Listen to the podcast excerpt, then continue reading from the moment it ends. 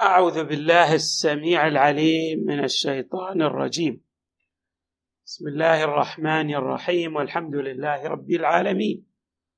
والصلاة والسلام على أشرف الخلق سيدنا ونبينا محمد وآله أجمعين الطيبين الطاهرين.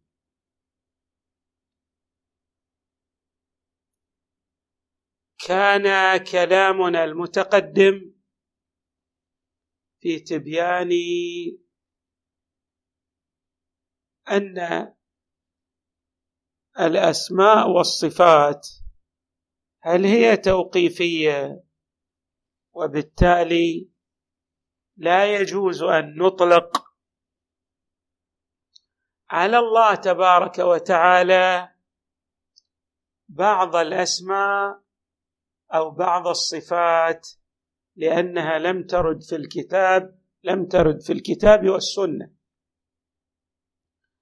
وقلنا إن الأرجح وسوف يعني نتحدث عن هذا على نحو من الإيضاح والشرح. أن الأرجح هو أنه يسوغ أن نطلق على الله بعض الأسماء والصفات التي لم ترد في الكتاب والسنة. ويظهر ذلك من بعض الروايات التي وردت في هذا الشأن كالرواية التي تقول يعني يسأل الإمام هل نطلق على الله شيء؟ تأتي الإجابة من قبل الإمام عليه السلام نعم كي تخرج الذات المقدسة عن حد التعطيل. يعني لابد أن ترى أن الذات المقدسة أنها ذات تتصف بالوجود والكمال. ولا يمكن أن تجرد الذات عن الأوصاف الكمالية. وكان كلامنا في أن القول بأنه علة قد يستلزم الخلاف مع ما ورد في سورة التوحيد. لم يلد ولم يولد ولم يكن له كفوا أحد. وقلنا إن ذلك ليس بسديد أي أن أطلاق العلة على الله تبارك وتعالى لا يستلزم انبثاق الموجودات عن الذات المقدسة كأجزاء من الذات. هذا تصور خاطئ. وإنما المراد إن الله تبارك وتعالى أوجدها لا من شيء كما تعبر الصديقة الزهراء وأن هذه الوجودات لها ارتباط بالذات المقدسة بمعنى أن الله لو أن الله تعالى لو قطع عنها المدد لانعدمت. لا وجود لها ولا شيئية لها. ثم أردنا أن نوضح مطلبا. جد هام ألا وهو أن أن الفلاسفة يقولون إن بسيط الحقيقة إن بسيط الحقيقة كل الأشياء. وقد توهم الشيخ الاحسائي يرحمه الله توهم أن القول بأن بسيط الحقيقة هو كل الأشياء يستلزم كمون الأشياء في الذات المقدسة ككمون الشجرة في النواة. وبالتالي لا تكون الذات بسيطة بمعنى أن الذات ستصبح مركبة. نريد الآن أن آه، ندفع هذا الإشكال الذي أشكلت به مدرسة الشيخ الاحسائي تبعا لآرائه قدس الله نفسه الزكية. حتى يتضح لنا معنى بسيط الحقيقة. معنى بسيط الحقيقة كل الأشياء لا بد أن نرجع إلى ما يقوله المتخصصون في الفلسفة. ونأخذ كلاما عن صاحب المنظومة الملا هادي السبزواري يرحمه الله. هو أراد أن يرد الإشكال الوارد على القول بأن بسيط الحقيقة كل الأشياء. فقال يتحاشى عن هذا القول العقول الوهمية أو الواهمة يعني اللي تعتمد الأوهام. والسر في تحاشيهم هو أنهم يزعمون أن القول بسيط الحقيقة كل الأشياء. يستلزم ماذا؟ القول باختلاط الذات المقدسة مع الأشياء الممكنة الخسيسة. ثم يعلق الملا هادي يرحمه الله يقول تعالى الله عن ذلك علوا كبيرا يعني لا يمكن أن يكون معنى القول بأن بسيط الحقيقة. كل الأشياء يستلزم هذا اللازم الخاطئ بان يكون الممكن يختلط بالواجب. تعالى الله عن ذلك علوا كبيرا لا يمكن أن يقول أحد بهذا لأن يلزم ارتقاء الممكن إلى عالم الواجب أو نزول الواجب إلى عالم الممكن وكلاهما محال. ثم يقول الملا هادي رحمه الله. ولو كان الأمر كما توهم هؤلاء في هذه العبارة لكان ذلك من الغلط. هذا غلط. لاستحالة مثل هذا القول موجودا واحدا فضلا عن كونه بسيطا. يعني يستحيل أن يكون تختلط الأشياء الممكنة مع الوجود الواجب لله تبارك وتعالى ويكون الوجود واحد. أصلا يخرج تخرج الذات المقدسة لله عن كونها ذات واحدة. فضلا عن أن تكون بسيطة يعني هذا ما تصير ذات واحدة. إذا اختلطا الممكن بالواجب بعد ما تصير يصير شنو؟ تركب ثنائية. ولذلك يقول فضلا عن كونه بسيطا. ليش؟ لكون الأشياء متعددة وحقائق متكثرة بعضها ممكنات وبعضها الآخر هو الواجب تعالى. اذا ما هو المراد من القول بأن بسيط الحقيقة؟ كل الأشياء. يقول شوف المراد. المراد أن بسيط الحقيقة من حيث الكمال. انتبهوا إلى كلمة من حيث. من حيث الكمال هو الوجود الأشرف الأعلى للأشياء. يعني إذا ناخذ أي مرتبة من مراتب الشرف من أين جاء وجود هذه المرتبة؟ منه تبارك وتعالى. فإنه الوجود الأشرف الأعلى للأشياء.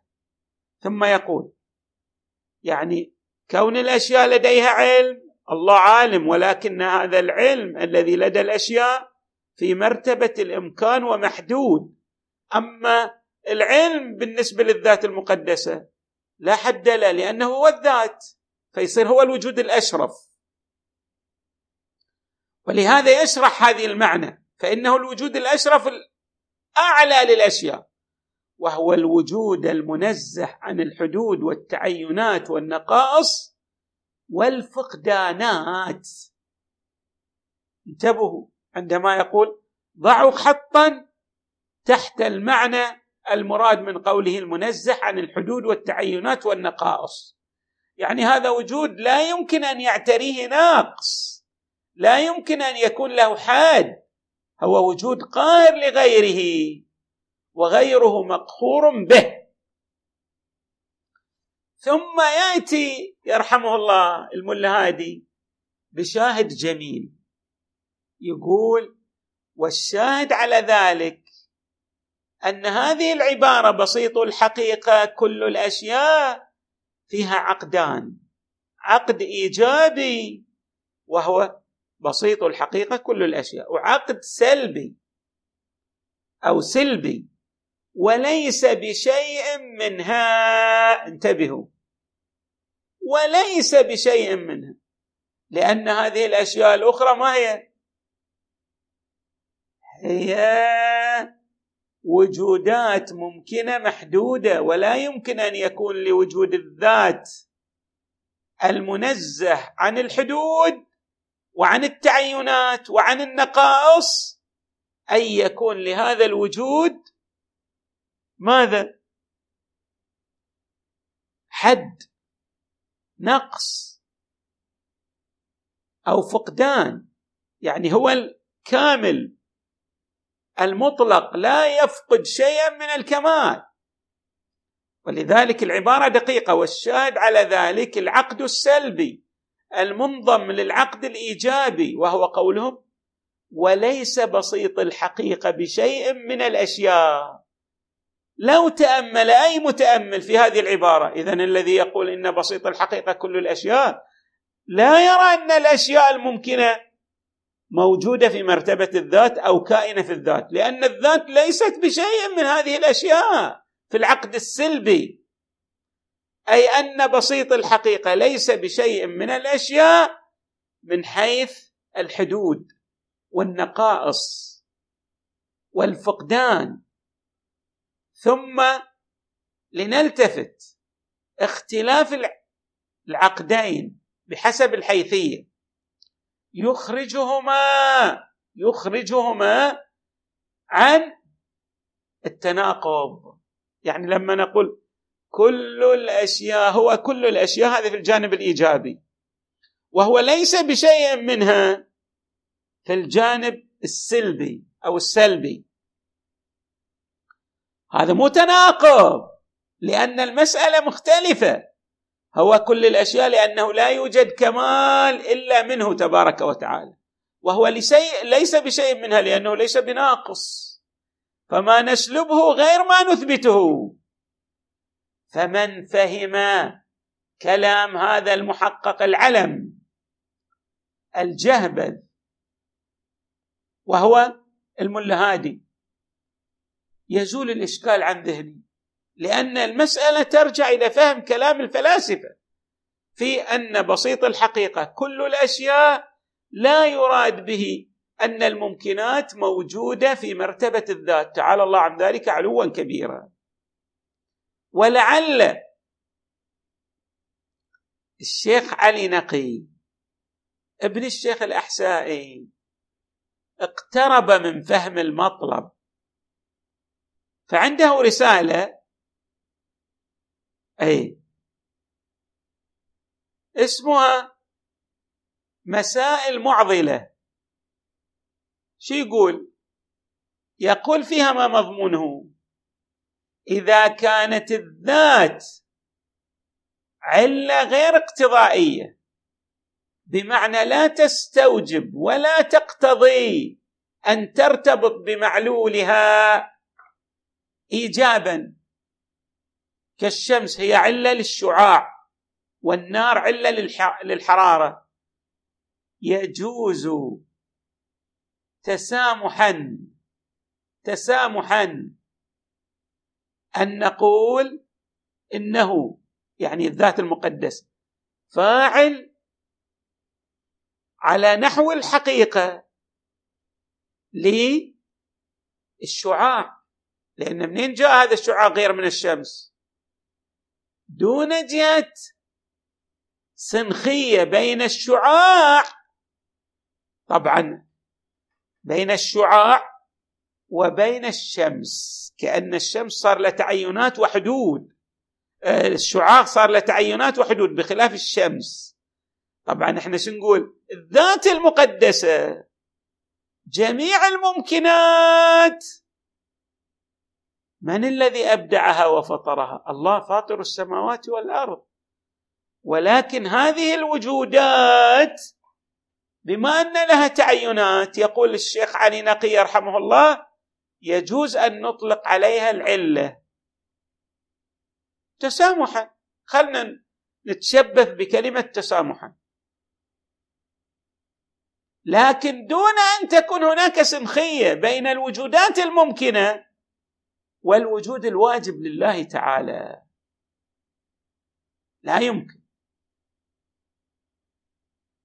لذلك يعني هذا ليش قلنا اقترب؟ هذا ما يريده الفلاسفة. عندما يطلقون على الذات المقدسة لله أنها نعم هي علة العلل. ماذا يقصدون؟ ما يقصدون المعنى الذي نطلقه على العلل المعدة وإنما يقصدون ولله المثل الأعلى يقصدون أن جميع هذه الوجودات فطرها فاطر السماوات والأرض أوجد الخالق البارئ المتعال. إيه.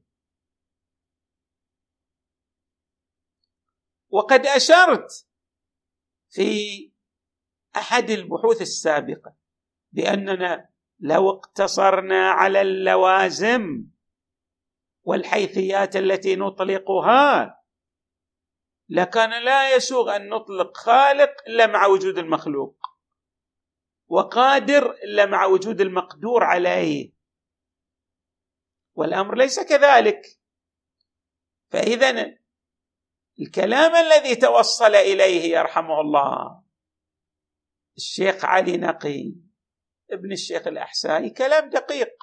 يعني في الحقيقة نحن نطلق على الله تبارك وتعالى ذلك بنحو يختلف عن إطلاقه على الوجودات الممكنة. وسيأتينا تتمه لهذا الكلام وصلى الله وسلم وزاد وبارك على سيدنا ونبينا محمد وآله أجمعين الطيبين الطاهرين.